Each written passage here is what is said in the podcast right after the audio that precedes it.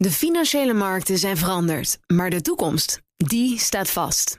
We zijn in transitie naar een klimaatneutrale economie. Dit biedt een van de grootste investeringskansen van onze generatie. Een kans voor u om mee te groeien met de klimaatoplossingen van morgen. Meer weten? Ga naar carbonequity.com. Carbon Equity. Do good by investing better. Een goedemorgen van het FD. Ik ben Pauline Zwuster en het is maandag 22 augustus.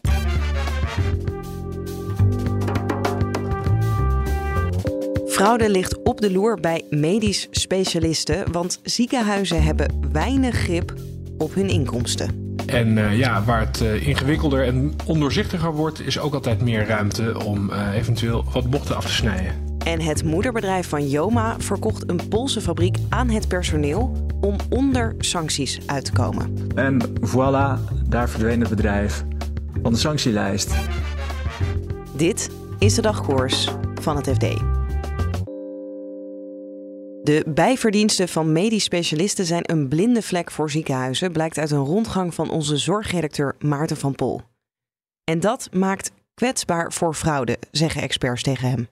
Het onderwerp kwam op de agenda door de vermoedelijke fraude in het Zwolse Isala ziekenhuis. Wat er precies gebeurd is, dat is nog niet duidelijk, want het onderzoek loopt nog. Maar in grote lijnen komt het erop neer dat de verdenking is van de field dat vijf cardiologen daar uh, jarenlang een leverancier hebben voorgetrokken.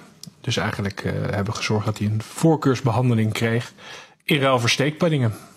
Maarten, om dit verhaal goed te begrijpen, is het ook goed om te weten hoe dat nou zit met die uh, vrij gevestigde medisch specialisten. Um, zij zijn dan niet in loondienst, maar ondernemer en worden dan ingehuurd door het ziekenhuis? Ja, ze zijn ondernemer en uh, ze zitten, zijn dan vaak lid van een uh, coöperatie, het medisch specialistisch bedrijf van ziekenhuis X. En eigenlijk huurt het ziekenhuis dus de specialisten van dat medisch specialistisch bedrijf. Dus die mensen zijn niet in dienst van het ziekenhuis zelf. En uh, ja, als je het heel kort samengevat, maakt het het gewoon um, boekhoudkundig allemaal wat ingewikkelder. En uh, ja, waar het uh, ingewikkelder en ondoorzichtiger wordt, is ook altijd meer ruimte om eventueel wat bochten af te snijden. Ja, en nou heb jij een rondgang gedaan langs verschillende ziekenhuizen. Eigenlijk hebben zij ook allemaal niet precies in beeld wat die artsen voor neveninkomsten of activiteiten hebben. Nou, allemaal is een beetje een gevaarlijk woord in deze. Kijk, uh, we hebben uh, het aan alle opleidingsziekenhuizen, dus dat zijn de topklinische ziekenhuizen en de academische ziekenhuizen gevraagd. Die hebben natuurlijk niet, die hebben niet allemaal geantwoord. Het was ook vakantie. Um, maar uh, het beeld dat wel oprijst, is dat het in ieder geval voor veel huizen toch best lastig is om nou precies te weten wat er gebeurt. En veel ziekenhuizen vragen bijvoorbeeld wel ieder jaar aan hun specialisten om alle neveninkomsten en activiteiten op te geven. En onder die activiteiten valt dan bijvoorbeeld ook uh, aandeelhouderschap van, een, uh, van vennootschappen buiten het ziekenhuis. Uh, maar ja, dan ben je toch nog, is nog, toch nog steeds de vraag: hoe controleer je nou of wat mensen op die uitvraag antwoorden ook daadwerkelijk klopt? Ja. Dus daar zit al een kwetsbaarheid in, bijvoorbeeld. Er is één ziekenhuis dat echt expliciet heeft gezegd: we hebben maar beperkt zicht hierop en we proberen daar wat aan te doen. Ja, en uh, wat experts wat tegen mij hebben gezegd is ja, dat zal uh, ook voor anderen gelden. Dat is uh, wat zij zeggen staat waarschijnlijk wel voor een breder beeld. Alleen gaat, is niet iedereen even happig om dat ook hardop te zeggen. Ja, en waar zien die experts dan het probleem? Is het dat er wel beleid en protocollen zijn, maar misschien niet heel daadkrachtig worden uitgevoerd? Of is het zo dat er ook gewoon de regels intern misschien nog niet streng genoeg zijn? Ja, je kan er, dat gaat op verschillende niveaus, denk ik. Kijk, het eerste is, je moet wel die protocollen en regels allemaal hebben. Daar begint het een beetje mee.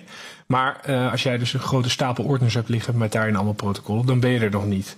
Ja, je moet eigenlijk moet het in alle lagen van de organisatie, moet dat hele integriteitsdenken of zo, dat moet, uh, dat moet daar doordringen. En wat dan heel belangrijk is, kijk, je kan niet alles controleren wat iedereen doet de hele dag. Dus uh, wat dan heel belangrijk is, is dat als mensen iets signaleren, dat ze dan één, het of dat ze één, het überhaupt signaleren dat er misschien wel iets misgaat. En twee, dat ze zich ook vrij voelen om uh, daar iets aan te doen. Dus om dat uh, aan te kaarten. Dus eigenlijk zijn uh, je belangrijkste controle, controlemechanismen zijn je medewerkers. En wat dan ook heel belangrijk is, is dat het ook aan de top, dat zeg maar als, als het over integriteit gaat en zo, dat het niet een soort verplicht nummertje is. Van nou jongens, we hebben hier eventjes even een uurtje de integriteitstraining van dit jaar uitzitten. Dan zijn we er weer vanaf. Uh, als je het op die manier aanpakt, dan gaat natuurlijk niemand zijn nek uitsteken op het moment dat hij uh, denkt dat iemand uh, een graai uit de, uit de kast doet. Nee. Dus dat, is, dat is nog een ding. En dan specifiek voor ziekenhuizen waar, je een, waar de specialisten, of een deel van de specialisten of alle specialisten vrij gevestigd zijn. Heb je dus een raad van bestuur en het bestuur van het MSB naast elkaar. En wat dan ook heel belangrijk is, dat die twee dat die twee echt heel goed met elkaar communiceren. En dat die elkaar goed kennen en weten wat er bij elkaar speelt.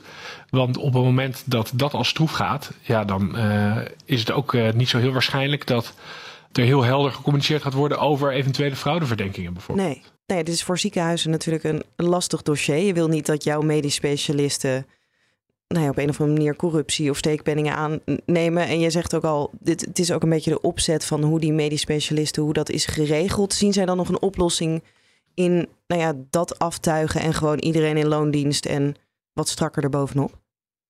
Nou, dan raak je nog even aan een hele gevoelige discussie, uh, die we hier nu ook niet gaan beslechten. Maar uh, ja, er zijn wel mensen die zeggen het is gewoon overzichtelijker en eenvoudiger als iedereen die voor jou werkt ook daadwerkelijk bij jou in loondienst is. Um, en dan gaat het dus niet eventjes niet over de inhuur van ZZP'ers. Dat is ook weer een hele gevoelige discussie in de zorg.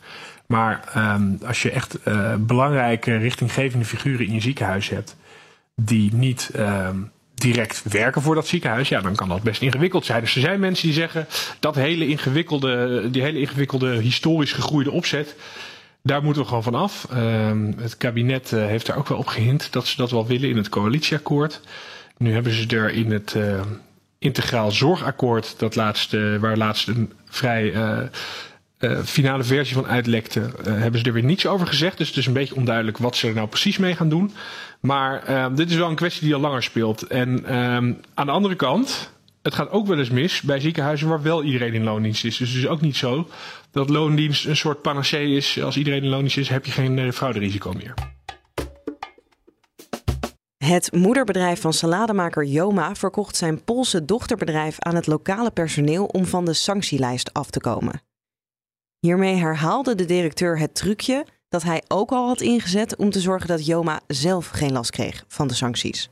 Waarom de salademaker vreesde voor sancties, hoor je van onze retailredacteur Jan Braaksma. Dat moest hij doen. Ze werden toch een beetje nerveus, want uh, ze waren eigendom van een investeringsmaatschappij. En daar in die fondsen van die investeringsmaatschappij zat geld van uh, twee rijke Russen, die op de sanctielijst uh, van Europa en de VS zijn beland.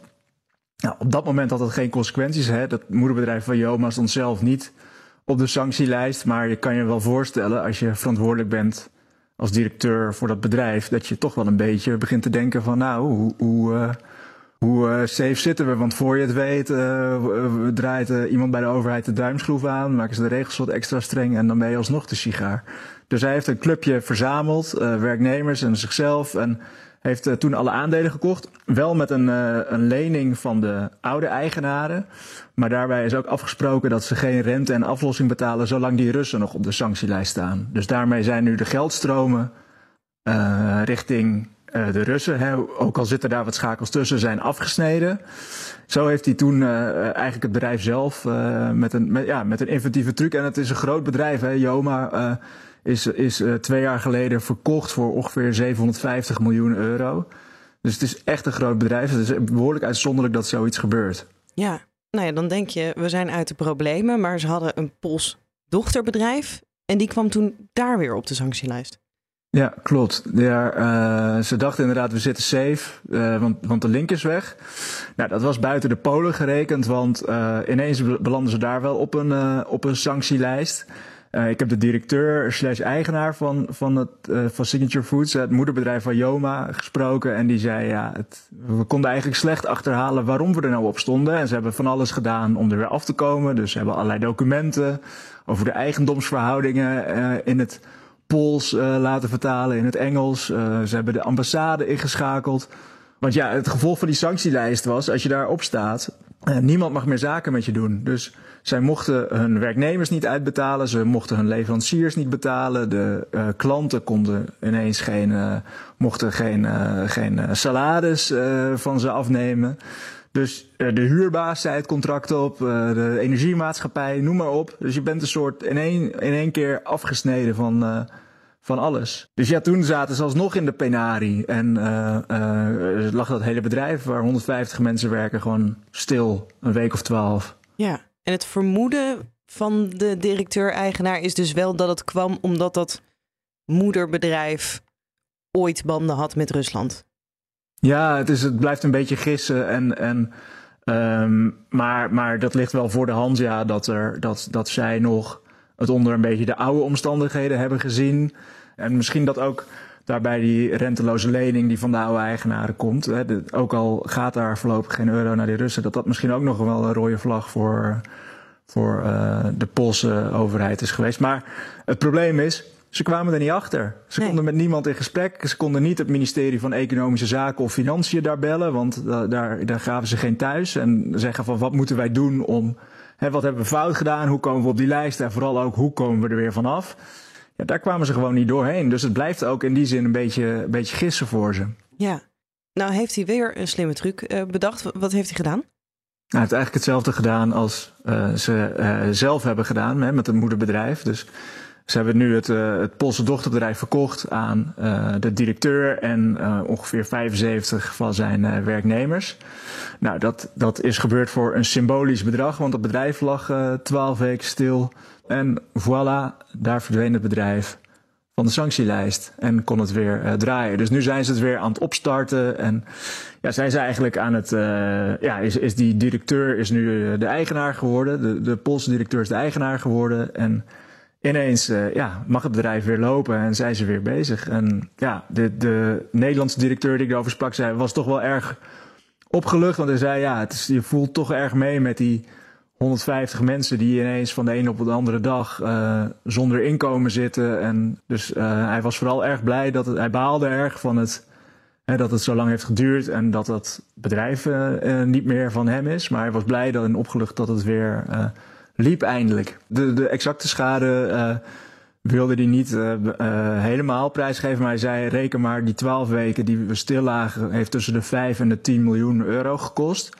En daarbovenop inderdaad, dat bedrijf was ooit iets waard. In 2017 is het, voor, is het gekocht door het moederbedrijf van Joma. Nou, toen was het een goedlopend bedrijf dat levert, salaris levert aan de Lidl en aan een grote Poolse supermarkt, andere supermarktketen.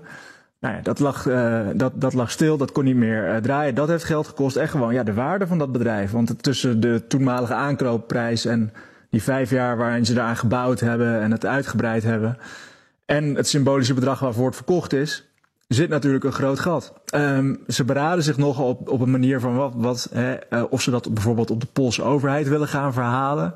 Daar zijn ze nog niet over uit. Het is ook nog redelijk vers. Um, maar ja, het is een behoorlijke strop voor dat bedrijf.